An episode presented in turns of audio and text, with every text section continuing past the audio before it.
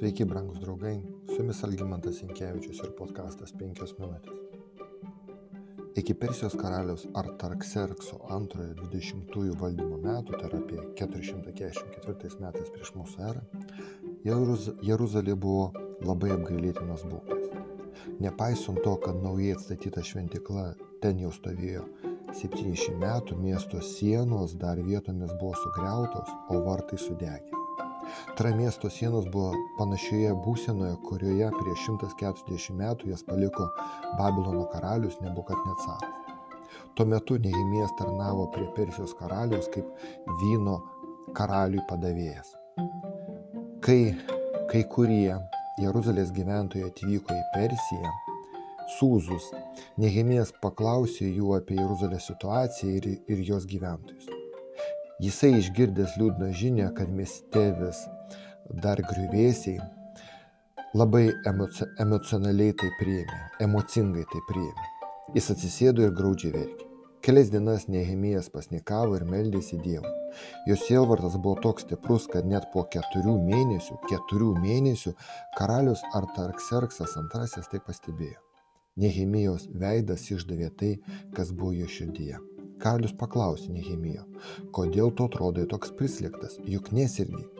Tai gali būti tik širdgila, Nehemijo antras skyrius. Ir sužinojo savo tarno sielvarto priežastį, paklausė, ko jis nori.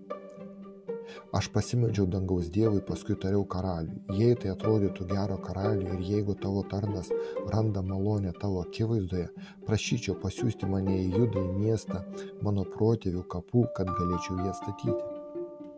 Karalius, susitaręs dėl Nehemijo nebuvimo Sūzose laiko, pasiuntė į Jeruzalę aprūpindamas visko, ko jam reikėjo. Tai kai Nehemijas atvyko į Jeruzalę ir po trijų dienų asmeniškai patikrino visas sunaikintas miesto sienas, sienose vietas, tada kreipėsi į vadovus ir pasakė, eikime ir statykime Jeruzalės sienas, kad nebūtume daugiau kitiems pajoka. Ir su Dievo pagalba jie tai padarė. Nepaisant to, kad jiems nuolat trukdė Sambalas ir Tobijas, visi žmonės prisijungė prie darbų ir vos per 52 dienas atstatė Jeruzalės sienas. Nehemijo šeštas skyrius.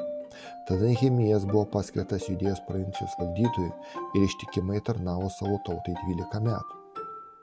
Ką, brangus draugai, galime išmokti šioje istorijoje? Ogi šioje istorijoje turime daug ko išmokti iš Nehemijo apie jo santykių su Dievu ir žmonėmis. Nehemijas buvo ištikimas savo karaliaus tarnas, taip pat buvo ištikimas savo tautos vadovas. Jis buvo maldos žmogus. 13 knygos skyrių Nehemijo malda užfiksuota 11 kartų. Jis meldžiasi kai bėda, jis meldžiasi kai džiaugsmai. Džiaugiasi. Negi tada, kai, negi tada, kai karalius kreipėsi į jį su klausimu, ko tu nori, jis meldėsi Dievui prieš pareikšdamas norą karaliui. Kalbant apie Nehemijo maldos gyvenimą, reikia pažymėti, kad kai jis dar nebuvo buvęs ir matęs Jeruzalės, maldoje jis verkė ir pasnikavo dėl to miesto nelaimės. Jis neatsiskyrė nuo žmonių, bet išpažino žmonių nuodėmės kaip savo, kaip ir pranašas Danielius. Nehemijo išmintis ir protingas požiūris į darbų paskirstimą paskatino viso tautą prisidėti prie statybų. Nehemija labai kompetitingai paskyrė statybininkus į darbo vietas kiekvieną priešai savo namus ir taip pažadino asmeninį susidomėjimą statybą.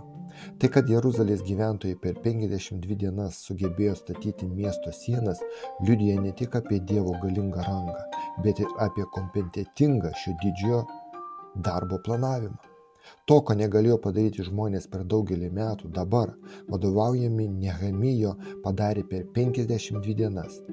Keturis mėnesius prieš tai Nehemijas meldėsi ir jaudinosi dėl Jeruzalės, o po to per dvi mėnesius atstatė sienas.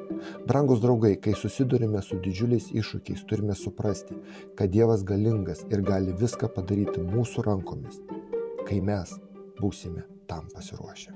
Su jumis buvo penkios minutės ir Algymantas Jankievičius.